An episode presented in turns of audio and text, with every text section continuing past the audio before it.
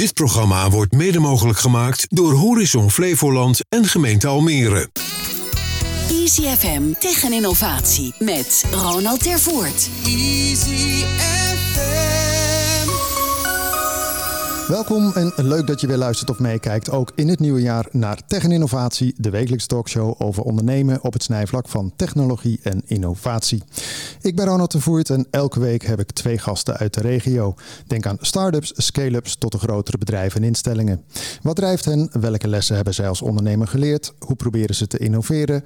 De impact van technologie daarbij en natuurlijk worden de nodige praktische tips gedeeld. Vandaag te gast in de ICFM-studio in het WTC Media Center Almere. Sandra Rosse, eigenaar van dierenkliniek Almere Stad. Over de laatste innovaties in de dierenzorg, concurrentie in de regio en de impact van corona op het dierenwelzijn. En Linda Graanoogst, eigenaar van Met Gemak in het Nieuws. Over de online kansen van PR, de meerwaarde van storytelling en de inzet van hypnose voor groei. Welkom. Het is een lekker zonnige dag gezien we alweer, dus dat is uh, alleen maar positief, toch? Zeker. Ik verlang af en toe al meteen naar de zomer. We moeten eerst nog even een winterse periode door. Ja, ben ik ook bang voor helaas. Het is niet anders, hè? daar kunnen we weinig aan veranderen.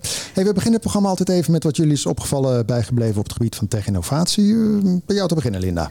Vooralsnog, uh, kijk, het eerste wat mij uh, op is gevallen is dat AI, artificial intelligence, en dat ook vooral, nou, dat, gaat, dat gaan we echt wel meemaken in marketing, maar ook in publiceren. En je hebt het dan over die ChatGPT AI-achtige toestand, die allemaal zelf dingen kan schrijven, waar heel Twitterland mee aan de haal gaat? Ja, dat kan. Maar er zijn natuurlijk ook, hè, er zijn ook uh, afbeeldingen die ook nu zo leuk vervormd kunnen worden. Je gooit zeg maar een foto van jezelf en dan wat extra's erin. En dan komt er een compleet andere nieuwe set van ik weet niet hoeveel foto's of afbeeldingen van je. De deepfake. Ja, dat is toch wel uh, heel interessant. En zoals bij alle innovatie, het is maar net hoe je ernaar kijkt. Kijk je naar de positieve of kijk je naar de negatieve kant? Ja, en jij bent van het glas is half vol. Toch? Nou, hij is helemaal vol bij jou. Maar, nee, maar jij ja. je brengt het op. Hè. Je, ja. je had natuurlijk hè, die Jet TPI, wat ik al zei, waar in één keer blijkt dat artificiële intelligentie heel veel kan. Ja, absoluut. Uh, journalistiek gezien, maar ik heb zelfs uh, gezien dat mensen in één keer niet meer hoeven te coderen. Dat deed gewoon de, de AI. Mm. Een soort van kantelpunt volgens sommige mensen. Maar wat wil je ermee zeggen? Zeg je van nou eigenlijk mijn werk vanuit met gemak in het nieuws uh, wordt straks een soort gerobotiseerd personeelsbestand? Nou, dat denk ik niet. Kijk, journalisten zijn nog altijd op zoek naar contact met de echte expert. Ik denk wel dat je er verstandig aan doet om het in te zetten voor, uh, ja, voor je zichtbaarheid, tuurlijk. Maar zou jij ermee durven experimenteren? Want je kunt al persberichten, en dat geldt voor jullie allebei natuurlijk als je mm. persberichten zou mm. schrijven. Mm. Dat kan je ook al laten doen door een algoritme. Ja, ja, dat gaan we natuurlijk ook doen. Wat denk jij? Ik ben er al mee bezig. Jij stuurt gewoon een factuur. nee, maar eh, is dat wel eh, zeg maar in 2023 denk je nou, dit is wel eventjes uh, iets wat zich... Uh... Ja, dit gaat natuurlijk ja, wel next level. En ik ben altijd een groot voorstander van experimenteren en uh, kijken wat het doet.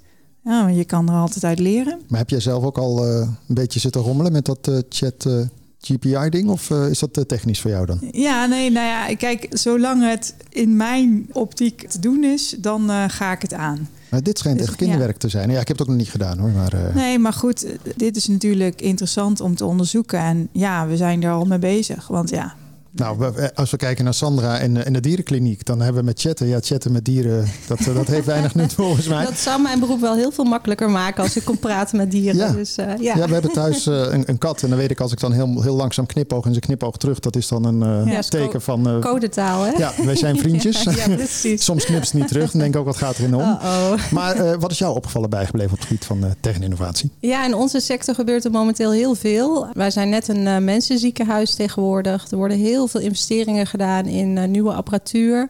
Ook bij ons in de kliniek. En ja, wij zijn uh, een aantal jaren geleden ook een uh, digitalisering doorgegaan. Wat het werk echt een stuk prettiger maakt. Ik zie er echt heel veel voordelen aan. En je ziet ook dat er allerlei apparatuur ontwikkeld is, waardoor je veel nauwkeuriger bijvoorbeeld bloedonderzoeken kan doen. Urineonderzoeken worden veel efficiënter. Je krijgt tegenwoordig in plaats van dat er een assistent onder de microscoop kijkt naar celletjes, krijg je eigenlijk beelden via een computer. En die komen dan in een digitaal bestand bij de dierenarts binnen. Ja, dat zijn hele leuke ontwikkelingen. Uh, heel mooi om te zien. En dat maakt ons beroep ook uh, ja, veel interessanter en leuker. Binnenkort ga je nog uh, avatars of tamagotchis uh, ja. opereren. Hè? Ik nou, bedoel, ik virtuele beestjes. Lijkt me leuk. maar, want dan gaan we daar natuurlijk dadelijk even verder op in. Maar dat is nogal best wel een sprong. Want als ik jou zo hoor, klinkt het net alsof het uh, gewoon een ziekenhuis is. Ja, ja, je ziet vooral de laatste jaren is er enorm veel geld in de diergeneeskunde gepompt. Onder andere door investeringsmaatschappijen. maar ook bedrijven die daar echt de toekomst in zagen. En die hebben heel, ja, een hele grote groeispurt gemaakt in nieuwe technologie. En dat maakt ons beroep uh, heel veel makkelijker. Je ziet ook heel veel overlap met apparatuur vanuit humane ziekenhuizen. Waardoor wij eigenlijk, ja, net als bij mensen, best wel ver kunnen gaan in de geneeskunde. Dus dat is ontzettend leuk om te zien. Hebben jullie dan apparatuur die al inderdaad eh, gemeengoed is in, in, in de reguliere zorg? Of zeg je van nou, het zijn ook nog wel eens gewoon trials omdat het ook over dieren gaat? Of maakt dat helemaal niks uit? Um, er zijn apparaturen speciaal voor dieren ontwikkeld. Omdat Waar je heb je het dan over? Want iedereen heeft benen, armen. ja, je moet je voorstellen dat we bij dieren uh, hele andere onderzoeken soms moeten laten plaatsvinden dan bij mensen. Dieren, als die bijvoorbeeld last hebben van uh, chronisch diarree, uh, moet je bepaalde testen doen op dierenbacteriën. Hè? Dus bij mensen heb je andere bacteriën dan bij dieren. Dan zijn er testen ontwikkeld waarbij dat heel gemakkelijk in de kliniek gedaan kan worden. Om te kijken of bijvoorbeeld een parasiet zoals Giardia in de ontlasting zit. Ja, dat zijn dingen die niet bij mensen gebeuren. Want ja, Giardia komt niet zo vaak voor bij mensen. Dus dat zijn hele andere apparaturen dan humaan. Maar er is wel heel veel overlap. We hebben bijvoorbeeld ook een echoapparaat in de dierenkliniek... die ook in ziekenhuizen gebruikt wordt. En dat is op basis van Doppler. Dus je ziet met kleuren of een vloeistof naar je toe komt of van je afgaat. En zo kan je bijvoorbeeld ook bloedvaten goed zien... maar ook lekkende hartkleppen. Dus het maakt het uh, ja, ten eerste heel leuk voor mij als dierenarts... om op die manier te werk kunnen gaan. En ja, je kan ook bij dieren bijvoorbeeld hele kleine hartafwijkingen nu zien. Wat een aantal jaren geleden bijvoorbeeld nog niet kon. Wauw. Heb jij huisdieren? Ja. Wat heb je? een kat. Een kat, oké. Ook wel eens al eh, bij de dierenarts geweest? Of is er uh, eentje die uh, niks aan het handje? Nou, dit is echt een buitenkat. Oh. Ja, ik hoor het al, een hele goede klant voor Sandra. Het is echt een hele stoere kat. Af en toe dan, ja, een paar jaar geleden had hij, dacht hij van, nou, ik steek de weg over en tak. Ja. Was hij blijkbaar uh, aangereden en had hij een hoektand uh, minder daardoor. Of althans een gespleten hoektand. Ja, die moest eruit. Want, maar dan heb je nog geluk, hè? We hadden vroeger ja, katten thuis en toen gebeurde het ook hetzelfde. Maar er was het tak en toen was het uh, zes plankjes. Ja. Ja, precies. Dat gaat er ook weer snel. Hey, maar dan even bij jou, Linda. Want je was in 2021 was jij hier te gast. Ja. Met gemak in het nieuws. Ja. Twee jaar geleden alweer. Dat is a long time ago. Ja, gaat snel, joh. Toen hebben we het vooral gehad over hoe kom je nou als bedrijf in het nieuws. Ja. Toen dacht ik eventjes teruggrijpend, de afgelopen twee jaar, corona, hmm. iedereen uh, lockdown, iedereen genoeg tijd om zelf persberichten te gaan schrijven. Of het wordt weer noodzakelijk om jezelf op de bühne te zetten. Digitaal lijkt een beetje, nou zelfs hè, bij Sandra eh, is het een spurt. Hoe zit het uh, aan jouw zijde? Is er gewoon bewustzijn van oké, digitaal kunnen we helemaal los om publiciteit te genereren? Of uh, is het toch nog een beetje gebleven bij waar we waren twee jaar geleden? Ja, er zijn altijd ondernemers die maar zie je een trend? Kijk, er zijn altijd mensen die niks doen natuurlijk. Maar... Ja, die zijn er altijd. Ja, jammer. Maar zit er, een, zit er een digitaliseringsslag bij veel bedrijven? Of merk je nog dat ze heel erg zitten van... Ja, wij doen ons ding en persberichtje en zwak? Nou, de meeste bedrijven, ik denk dat 70% misschien wel meer... gewoon nooit een persbericht stuurt. Dus die zoeken gewoon per definitie niet de media op.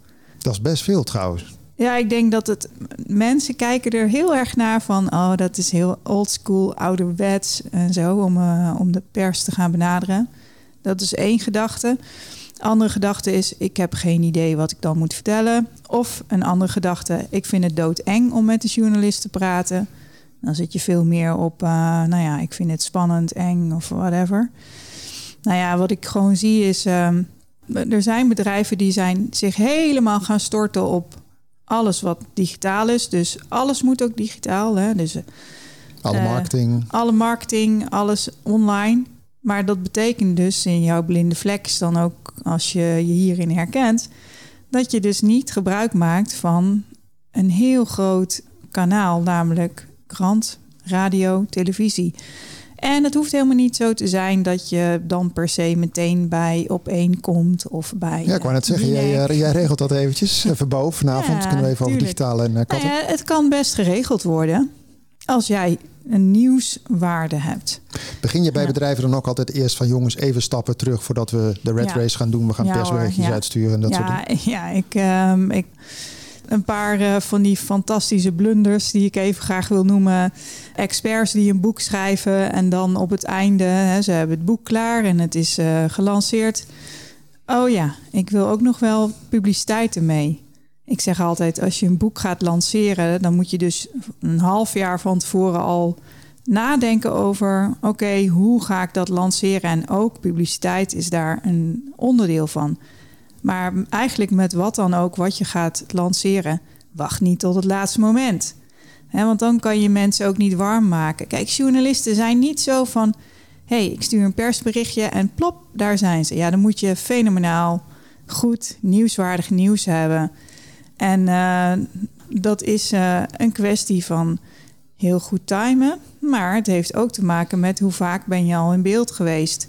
Het is niet zo van we gooien een kwartje erin en plop, daar is die journalist en die schrijft precies op wat jij wil. Nee, nee, nee, Nee. zo zitten we niet in elkaar. En- Bij jou, Sandra, met een dierenkliniek hè, heb je natuurlijk al snel gewoon aanwas van eh, nieuwe klanten, zal ik maar Ja. zeggen. Want je hebt een huisdier. Maar wat is eigenlijk een huisdier bij jullie? Is, hoe ver gaat dat? Eigenlijk alles wat je als gezelschapsdier houdt. Dus honden, katten, cavia's, konijnen. Eigenlijk de, de basishuisdiertjes. Voor reptielen en giftige slangen, et cetera, verwijzen we altijd door naar een specialist. Want dat is echt wel specialistenwerk. Krokodillen doe je dus niet. Ja, nee. Dan laatst had Nee. iemand een krokodil, zag ik in de, in de media. Dat ik denk, nou, het is Ja. toch, als zoiets in de puberteit komt, is dat toch een lastige. Ja, ja Maar zeker. doe jij veel met persberichten of valt het mee? Eh, ja, eigenlijk eh, komt dat ook wel een beetje vanzelf. Wij proberen als dierenkliniek heel transparant te blijven, maar ook ons maatschappelijk ons steentje bij te dragen. Zo hebben wij in de coronaperiode zijn wij inzamelpunt geweest voor eh, mondkapjes eh, die mensen thuis maakten. En ja, dat soort dingen komen dan automatisch in de media. Wij zijn ook eh, in 2021. Maar is dat automatisch? Ja, Nou, jij dat- bent ook wel bekend hè, bij de lokale Oh, ik heb krant. meteen weer de verkeerde uitgenodigd. Iemand die, eh, Nou ja, ik vind het een leuk eh, eh, medium, omdat je Ja. eh, heel veel mensen lezen ook de krant. Eh, Ja. Dus ik, ik zet inderdaad ook advertenties daarin. Maar ja, Ja, dat ik, scheelt gewoon wel. Ja, Hè, ik- even voor de helderheid, als je echt lokaal een local hero wil worden, doe dan als Sandra. En ga dan ook. eh, ja, maar dat doe je wel heel slim, want dit is ook iets wat mensen gewoon onderschatten. Weet je, de kracht van lokale media, en dat weet je zelf ook. Ja. Het moment dat je gaat adverteren bij een lokale krant, dan bereik je gewoon eh, ja, de, gewo- de Ja, je bewoners, doelgroep, hè? je Ja, doelgroep. Dus dat is iets wat jouw bedrijf ook eh, helpt en heeft geholpen. Maar Zeker. En het komt ook vanuit iets voort. Het is niet van wij willen publiciteit. Maar wat je zegt, nee, je doet nee. iets goeds. En Ja. daaruit volgt ook weer goede dingen. Ja, we proberen daar ons steentje bij te dragen. We zijn bijvoorbeeld nu bezig met een AED eh, aan onze kliniek te hangen voor onze wijk. Dus dan ben ik bezig met de buurt van, goh, kunnen we een inzamelsactie houden voor het geld? Eh, met de gemeente bezig. Dat wordt dan verspreid eh, via inderdaad eh, of eh, lokale blaadjes of eh, via de buurt. En, en zo wordt er aandacht aan besteed. Dus het is een beetje ja, geven en nemen. Natuurlijk is het fijn om die aandacht te krijgen, want je wilt ook je bedrijf laten zien. Maar ik vind het ook heel fijn om te laten zien dat we eh, naast dierenkliniek ook gewoon willen dat, eh, dat we in de buurt een, een plek zijn waar mensen naartoe kunnen. En dat we maatschappelijk ook zorgen dat er bijvoorbeeld een inzamelactie voor dierenasiel komt. En ja, het is een beetje win-win. Waarom ben jij begonnen eigenlijk met een dierenkliniek? Ja, nou, dat, dat gaat al vanaf mijn geboorte volgens mij. Omdat ik mijn leven lang al dierenarts wilde worden. En eh, uiteindelijk ben ik dat geworden. Ehm, maar toen ik eenmaal aan de slag ging als dierenarts... had ik eh, ja, toch een, eh, een, een bepaalde visie over hoe een dierenkliniek moest zijn. En als je voor een baas werkt... wat mij toch wel een beetje lastig achteraf bleek...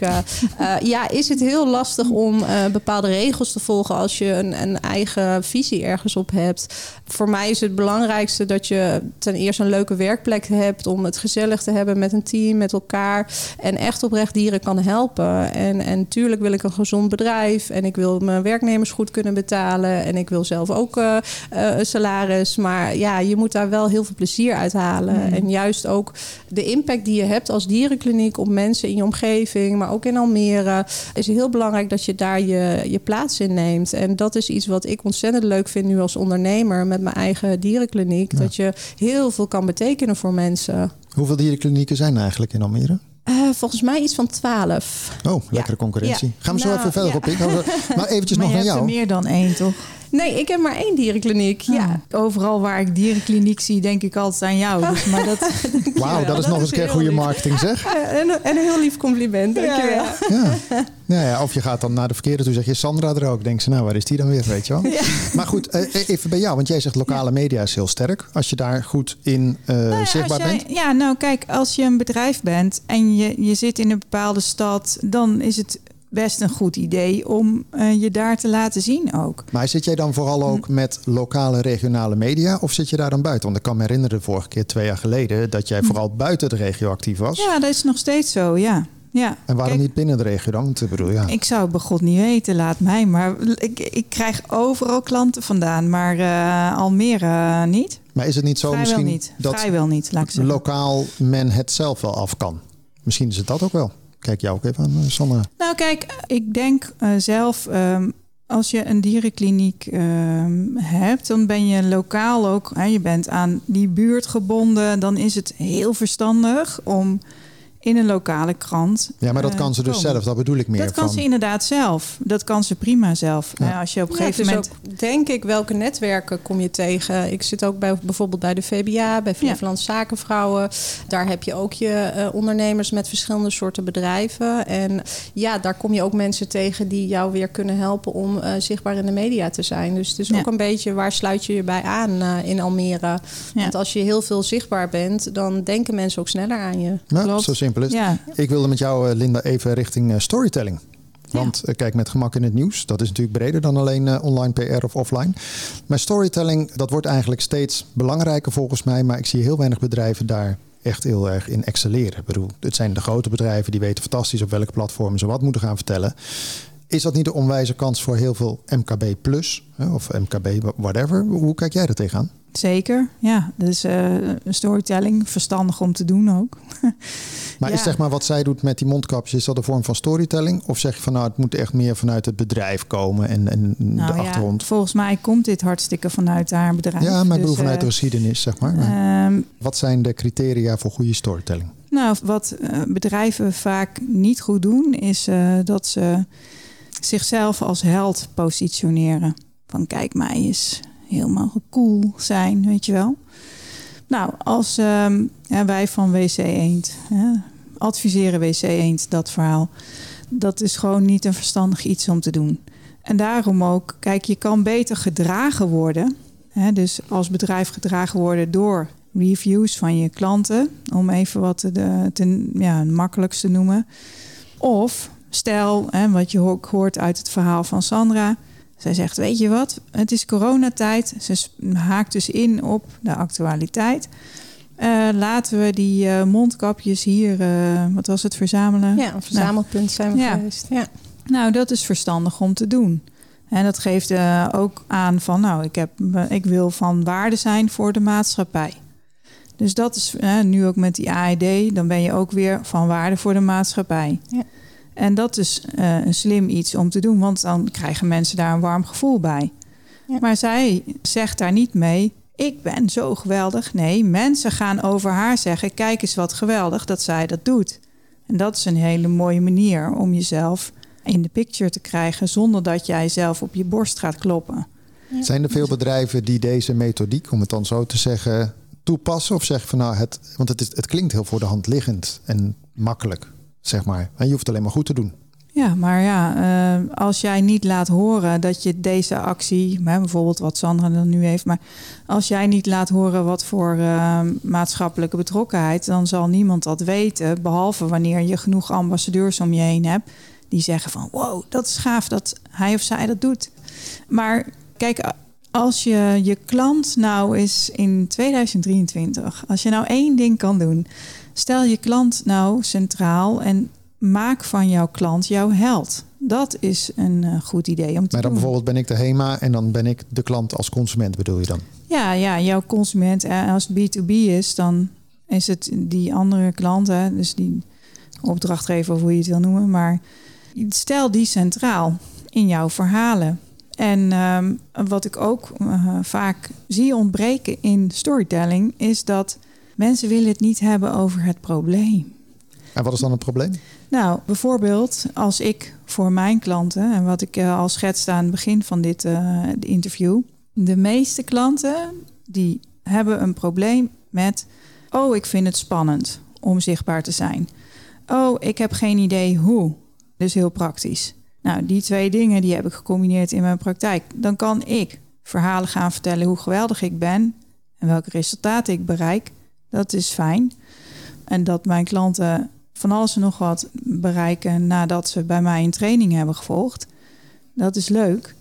Maar als ik leer dat die klant kan gaan praten over zijn problemen, althans de problemen van zijn klanten weer. Kan je het nog volgen? Ja, ja, ja, ja, ja, ja. Nee, als het moeilijk wordt, dan ja. zet er gewoon muziek op. Dan, hè, maar dan in jou, want in die probleemanalyse, daarin schuilt jouw expertise. En uh, ik zeg dit heel vaak, maar wat ik bedrijven zie doen, is ze gaan meteen naar de oplossing van wij bieden dit en dit. Als, hè, dit dat is, heel functioneel. Oplossing. Ja, dat is heel functioneel. Maar als die klant, degene die die boodschap hoort, niet weet dat dat een oplossing is voor zijn probleem. Dus dan waar heb je het dan over? Ja, nee, oké, dat snap ik. Ik dat denk dat je bij ons in de kliniek ook heel erg het zo is dat ik probeer een soort van leefstijl te laten zien van wij behandelen huisdieren zo, wij staan voor dit en mensen willen daarbij horen. En ik denk dat dat voor mm. bedrijf heel belangrijk is om te beseffen dat je als bedrijf eigenlijk klanten wil hebben die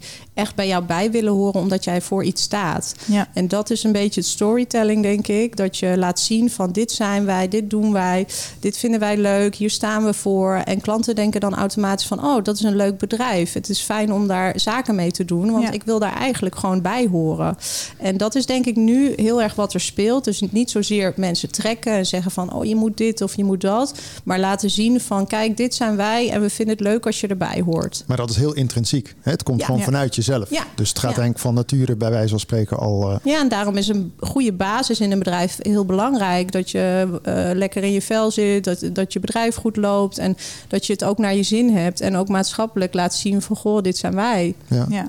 Zijn er nou eh, bepaalde plekken binnen een bedrijf waar je dit gaat beleggen eigenlijk, Linda dan? Is het dan communicatie of marketing? Of waar, moet je dat gaan doen? Want dat zal misschien ook wel een ding zijn. Ja, eh, ik denk dat het altijd goed is om eh, met iedereen te bespreken voor zover dat mogelijk is. En het begint vaak bij eh, het enthousiasme wat mensen voelen en natuurlijk de klik die je hebt met iemand. Maar over het algemeen, ja, als een bedrijf naar me toe komt, dan spreek ik meestal met directeuren, met marketing, omdat ze zien dat daar nog heel veel kansen liggen. Want het is nu nog steeds eh, zo dat het moment dat jij op de radio of op tv of in de krant of in de vakbladen komt, dat doet iets met jouw expertstatus. Mensen gaan je dan ineens zien van, oh wauw, die is op, nou ja, die is daar en daar verschenen, die is in de media gekomen. Dat is heel aantrekkelijk. En dat maakt ook dat er dan daarna, ja, jij, jij bent gewoon een klantenmagneet. Oh, dat is wel een mooi woord, hè? klantenmagneet. Ja. Ja. Die houden we erin. Dat is mooi voor het jaar. Hey, ik zag ook even online, eh, zelfs op nu.nl heb ik daar iets van gezien, Linda. eh, Ja. Dat jij bezig bent geweest en nog steeds doet, neem ik aan, met hypnose en ondernemerschap. Kan je ons even vertellen hoe dat in elkaar steekt? Ja, Ehm, hypnose. Ja, dan denk je misschien meteen aan Rasti Rostelli, maar eh, dat is niet wat ik, wa- waar ik me mee bezig hou. Het gaat om ehm, waar we allemaal ja, last van hebben, zo nu en dan, is die kritische mind in ons, toch? Van, eh, oh, ik ben niet goed genoeg, of kan ik dit wel? Of ehm, er zit iets spannends aan te komen, wat jou uitdaagt en uit je comfortzone haalt dan is het wel fijn als je een goed gevoel bij jezelf kan creëren. En dat goede gevoel zorgt voor andere gedachten en ander gedrag. En dat is wat je met hypnose kan bereiken. En dus kan je werkelijk magische resultaten bereiken. Simpelweg door in een meditatieve staat te komen. Want als je in die theta-staat komt, hè, dus in een, een meditatieve staat of theta, en dat is wat je kan doen met hypnose in totale ontspanning, dan krijg jij contact met jouw onbewuste. En wanneer je contact maakt met jouw onbewuste, moet je voorstellen, jouw onbewuste is zo krachtig als ja, 200.000 mensen. Want jij bestaat uit, ga maar na hoeveel DNA in jou zit, hoeveel generaties voor jou. Zijn allemaal mensen geweest die dingen hebben meegemaakt. En al die kennis zit allemaal verscholen in jou. Maar waarom gaat een ondernemer dat doen? Want ondernemers zijn over het algemeen natuurlijk zeker vandaag de dag bezig met uh, overleven, et cetera. Zijn best koppig natuurlijk. Dat is ook een mooie ondernemerstrek. Maar wanneer komen ze dan? Want ja, dat is nog best nou wel ja, open. Vaak als het probleem groot genoeg is, dan komen ze bij me. En wat kan je dan beloven? Want zeg je dan, we gaan naar jouw onderbewuste, dan weet je ook niet wat je aantreft natuurlijk. Betekent dat dan dat als ze dat doen, dat ze dan beter kunnen functioneren als uh, manager of iets anders? Ja, zeker. En ik weet, ja, kijk, ik weet nooit wat we aantreffen in het onderbewuste. Nee, maar ik bedoel, dat is toch best lastig. Stel je voor dat, nou ja, dat Sandra iets heeft van, goh, het loopt niet helemaal lekker met mijn kliniek. Dan kun je misschien wel zeggen, ja, ga hypnose doen. Maar dat klinkt ook best een beetje dat je denkt, uh, ja, onbekend terrein. Het is niet zo dat je een kwartje erin en een eurotje eruit. Ja, soms wel. Ja? Ja, ik heb het meegemaakt met een aantal klanten. Er was één uh, onderneemster en die zat tot 2,5 maand gewoon echt aan de grond. Geen, geen enkele nieuwe inkomsten. En ze heeft wel een serieus team. Maar uh, het liep gewoon niet meer lekker. Toen zei ik, ja, ik weet niet, maar ik zou daar een hypnose op doen als ik jou was. Dus uh, zij is inderdaad uh, online ook via Zoom bij mij in, de hypnose gegaan. Dus dan praat ik je ergens doorheen. En het is helemaal niet zo woewoe, zoals je misschien denkt. Want je gaat gewoon in meditatieve staat komen, in die theta-staat van totale ontspanning.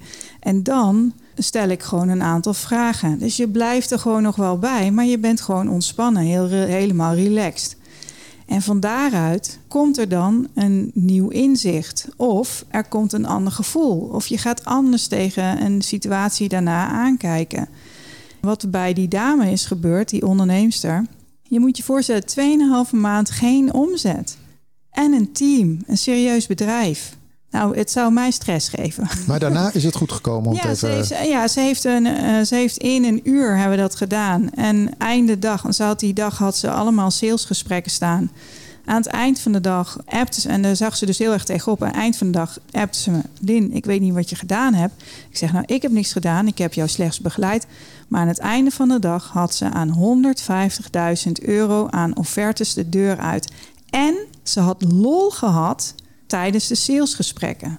Diezelfde dame, hoewel ze daarna ook even gewoon op vakantie ging, kwam een berichtje van haar boekhouder. Nou, de offerte is gestuurd. En uh, ze had even alles losgelaten. Ontspannen kan soms ook een heel goed idee zijn om Zeker. te doen.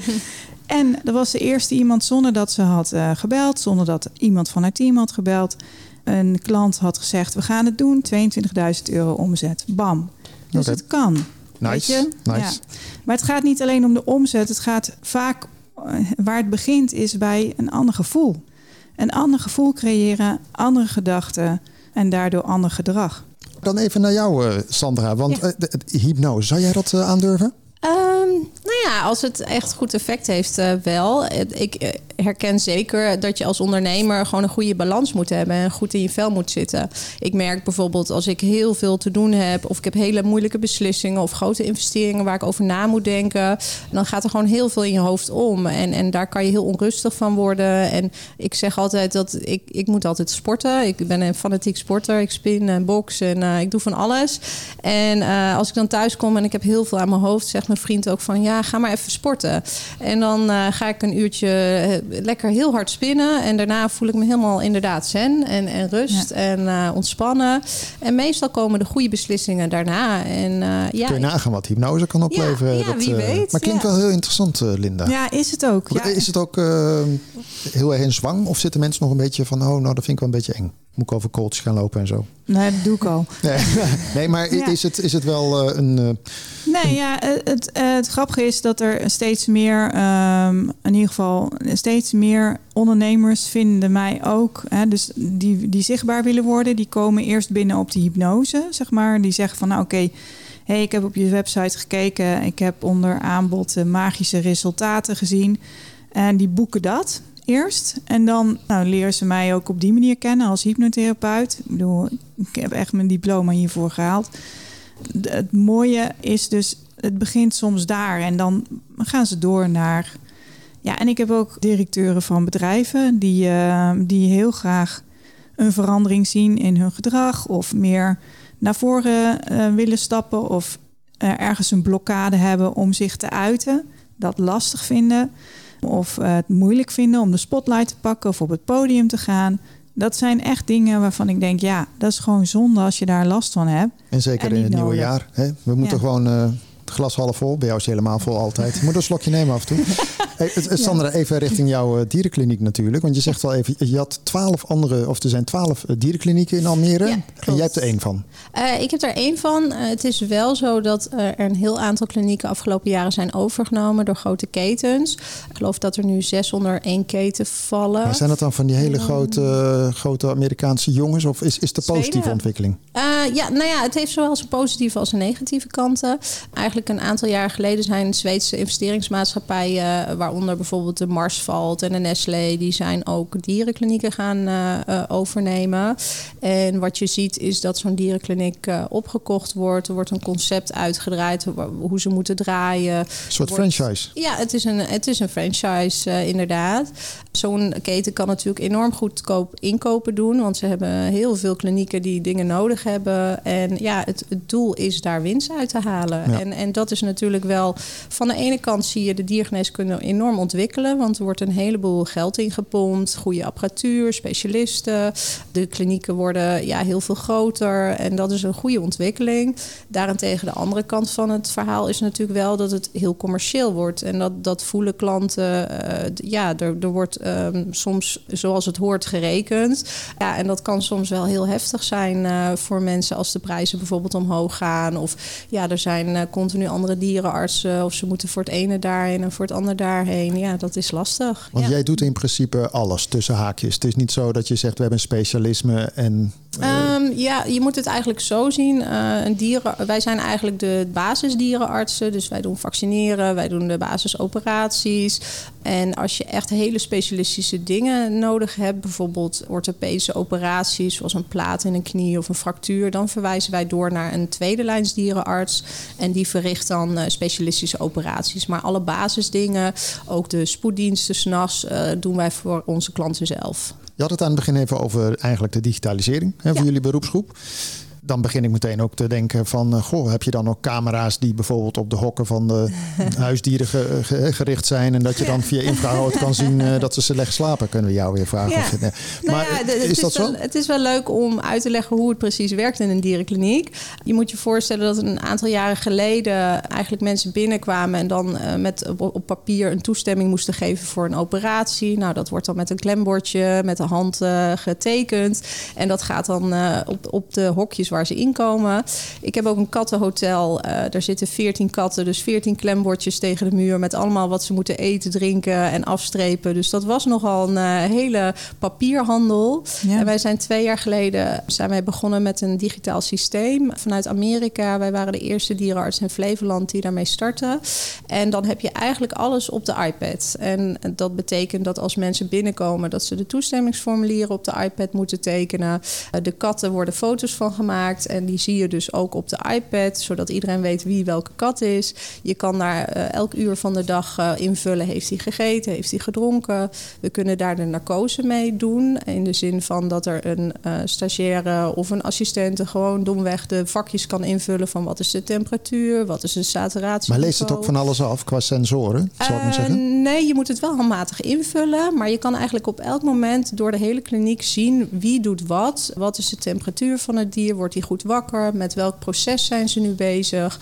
Hoe hebben de katten het gedaan in het kattenhotel? Is er eentje niet lekker? Dus je hebt heel erg ja, zicht op wat er nu gebeurt. Het is een heel transparant systeem. Het is niet meer dat de assistent roept van... oh, heb jij dat prikje al gegeven? Of is dat al gedaan? Je kijkt gewoon op de, de, de takenlijst en je ziet dat het al afgevinkt is. Dus het is Super heel efficiënt, efficiënt, werken. ja. Ja. Ja. Maar het is eigenlijk een digitaliseringsslag. Het is eigenlijk wat je deed, maar dan gedigitaliseerd. Dus die hele workflow is zo Ja, en het is niet zozeer dat je meteen high-tech kan gaan denken... er zitten sensoren in de hokjes, net zoals bij voetballers... dat je ziet, oh, nee, maar dat daar gebeurt Nou iets, hartslag gaat de- omhoog, uh, weet ik veel wat. Nou toevallig uh, heb ik. Kijk, paar- nu komt hij, Lin. Dit is de story. To- Toevallig heb ik een paar maanden geleden een gesprek met een leverancier gehad. Die brengt nu een chip uit bij dieren. Dieren kunnen al gechipt worden, maar hier zit ook een sensor in voor de temperatuur van het dier. Dus wij gaan daar nu mee kijken van joh, is, dat, is daar markt voor? Dan Dat is gewoon die chip die je gewoon, die heeft mijn kat ook, zeg maar. Zo'n, eh, Precies, die eh, jullie kat ook heeft. Eh, daar zit normaal gesproken zit er een cijfertje in als je daar een apparaat boven houdt. En nu heeft een leverancier daar ook een thermometer. Dus je kan eigenlijk met, terwijl je de chip afleest, zie je ook gelijk de temperatuur. Dus je hoeft hem niet meer te temperaturen, dat kan met een chip. Dus dat zijn hele leuke ontwikkelingen die nu spelen. En ja, dat, daar hebben we natuurlijk wel interesse in. Want het maakt je werk een stuk makkelijker. Als een kat boos is, dan is het soms heel lastig om te temperaturen. Maar wat is trouwens de Nou, truc ja. van, van dat katten bij jullie, tenminste als ik kom met de kat, die wordt altijd heel erg relaxed op die tafel. Dat ik altijd denk, is er een of andere wietplantage in de bovenverdieping? Nee, maar die wordt altijd heel relaxed. Wat is dat? Is dat een geur? Ja, er zijn een aantal trucjes die wij als dierenartsen gebruiken. Eh, wij hebben bijvoorbeeld Misschien hypnose. Ja, hypnose op afstand. Zit jij op je online kanaal? Ja. Nee, wij hebben eh, een spray met pheromonen erin. Die spuiten we soms op de tafel. En het is ook de manier waarop je een kat benadert. Ehm, je moet daar echt wel feeling voor hebben van hoe benader je katten. Je moet naar ze kijken van voelen ze zich safe? Wil deze juist opgepakt worden? Wil je deze juist niet oppakken? Dus ja, het is ervaring, maar ook kleine trucjes als iets lekkers eh, neerleggen zodat ze lekker eten. En, Oké, eh, nee, maar dan weten we dat ook. Voordat we denken dat de sensoren in de plaat zitten die iets doen. Hey, maar, die, maar spray, eventjes, die spray voor pheromonen werkt het ook niet met eh, mensen. Dan kunnen we misschien een wat relaxtere Ja. maatschappij krijgen. doen we voor de, CEO-spray. Dat Die, moet je gaan doen dit jaar. Dat is een goede. Hey, maar, maar jij had het net even over al die high-tech apparatuur. Ja. Dan kan je denk ik ook eerder dingen zien. Hè? Want Ja, eh, de- de- zeker. hoe vaak Ja. je onder de, onder de loep gaat, hoe, eh, hoe eerder. Maar uiteindelijk had je het net ook even over de rekening. Hè? Ja. Want, want Ja. dat weet iedereen. Als je op een gegeven moment met een huisdier vaak bij jou langskomt, dan loopt dat flink op. Ja. Is dat niet een groot issue aan het worden, afgezien van de energiearmoede, et cetera? Maar het- ja, Mm. Het is, eh, mensen hebben honden genomen, katten genomen, iedereen heeft wat genomen in eh, coronatijd. Ja, ja, het is een heel groot probleem momenteel, de dierenartskosten. Ik ben momenteel ook met de gemeente, met een aantal andere dierenartsen bezig om daar budget voor vrij te maken. Dat als het goed is, eh, komend jaar wordt er wat meer over verteld door de gemeente. Maar wij zijn daar druk met een kerngroep in overleg. Dus er komt hulp vanuit de gemeente. Maar de dierenartskosten, ja, bij, bij luxere apparatuur horen ook hoge dierenartskosten. En dat is lastig uit te leggen. En vandaar dat ik denk dat in de toekomst er een, soort splitsing komt tussen de basisdierenartsen en de specialisten met hun high-tech, nog heftigere apparatuur.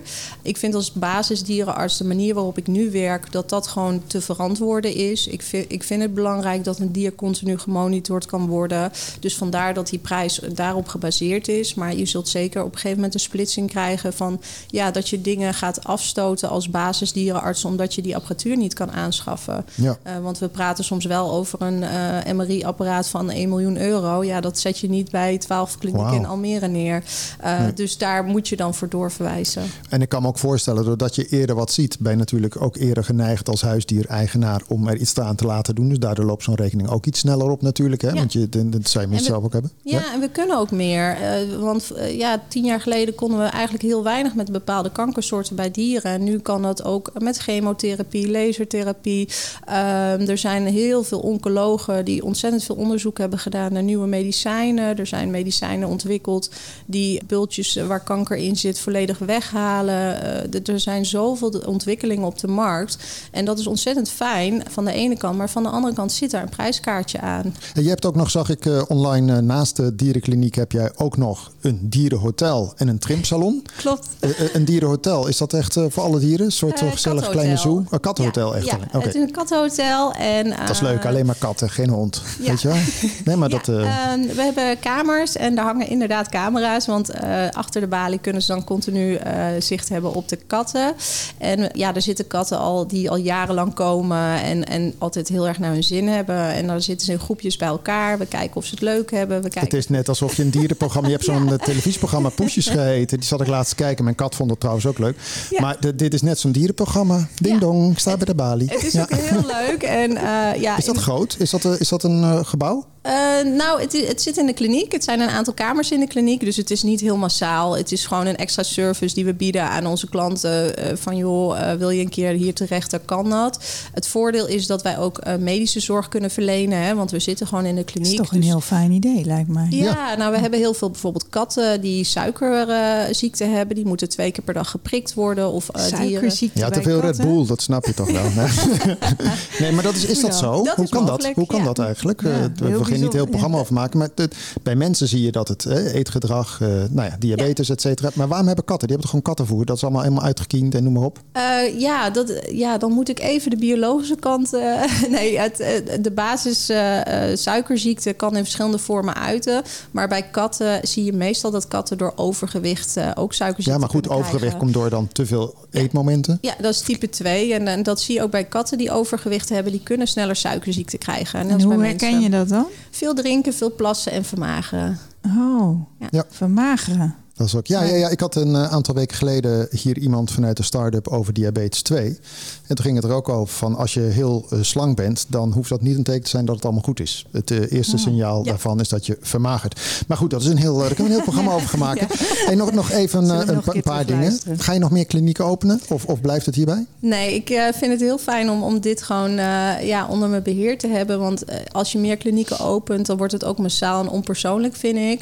En mensen kennen mij als Sandra de dierenarts. Zo profileer ik me ook op Instagram en, en Facebook. En eh, ja, dat blijf ik ook. En het zou zonde zijn als ze voor Sandra de dierenarts komen en Sandra is er niet. Dus Hoor je dat? Hè? Het is een soort merk al meteen, Linda. Sandra de dierenarts. Ja, het is een soort nee, Bob de ja. Bouwer, maar dan Ja. Sandra. Nee, maar Nou zit- ja. dat vind ik heel ja, mooi. Nee, maar daarom zeg ik ook een local hero. Dat eh, kun je koesteren. We zetten het gewoon onder de titel. Sandra Rosse, local hero. Ja, Wat wil nou jij? Ook local hero?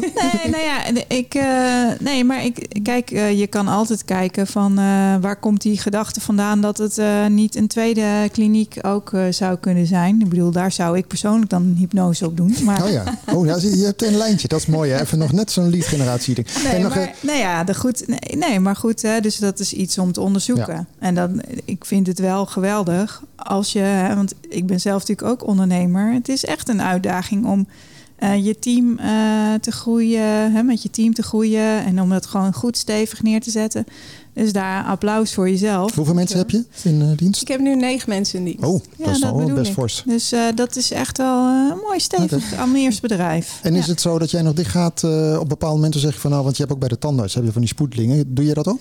Ik doe alles spoed voor klanten zelf. Kijk, Ja. Ben je dan de enige in de regio? Ik ben de enige in Almere. Ja, Oh. er is momenteel heel veel discussie over. Toevallig eh, is er eh, van de week een artikel eh, gekomen over een pup die in de auto kwam te overlijden. Omdat de eigenaren anderhalf uur naar een spoeddienst moesten rijden.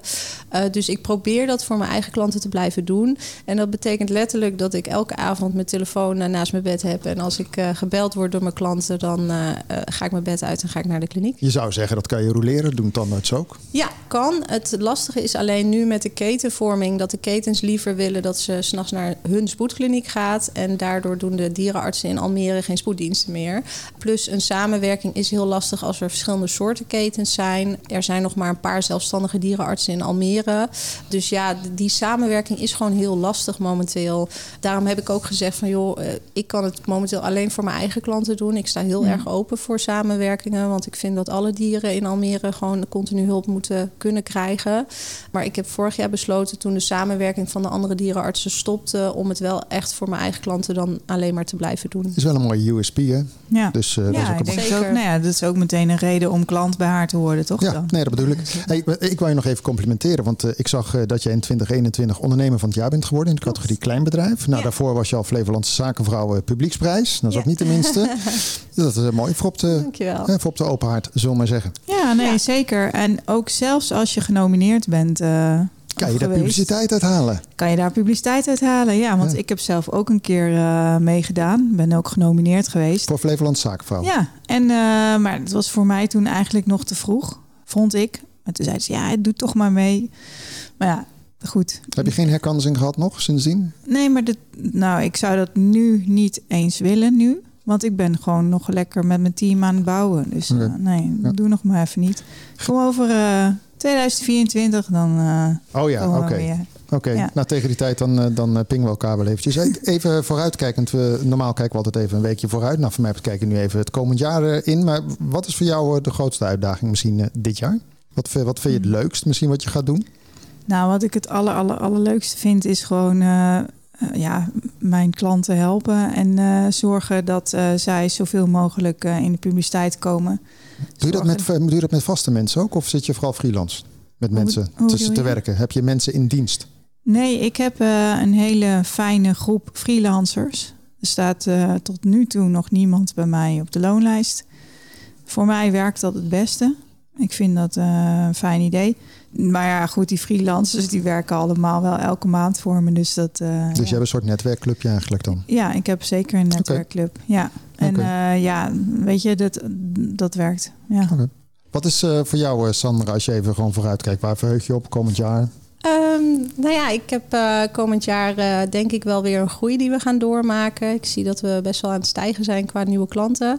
De grootste uitdaging daarin is, uh, net als de rest van de bedrijven, op zoek naar nieuwe collega's. Dus ik ben heel hard op zoek weer naar nieuwe dierenartsen, nieuwe assistenten om de volgende stap te kunnen maken. Kan je die een beetje vinden? Of is dat, dat is toch een lange opleiding? Geneeskunde, dierengeneeskunde? Ja, het is zes jaar, zes tot acht jaar. En er worden maar 200 plekken in Nederland komen er maar vrij. Dus het is echt heel heel weinig. En, en gezien de corona uh, is er heel veel meer dieren zijn er aangeschaft. Dus uh, dat maakt het uh, qua belasting een stuk heftiger.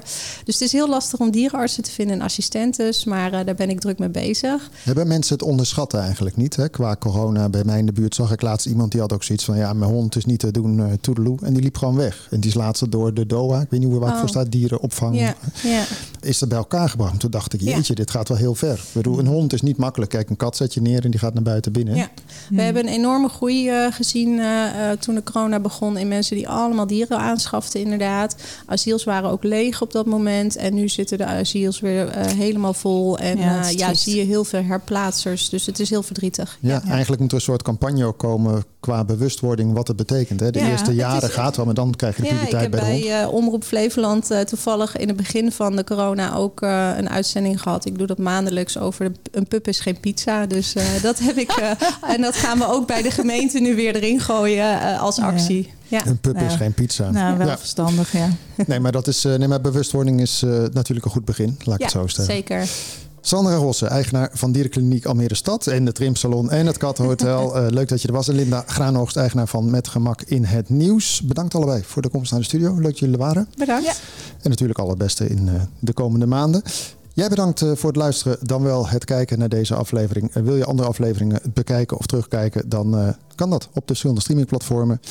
Komende week zijn we er weer, dus tot dan. Dit programma werd mede mogelijk gemaakt door Horizon Flevoland en gemeente Almere.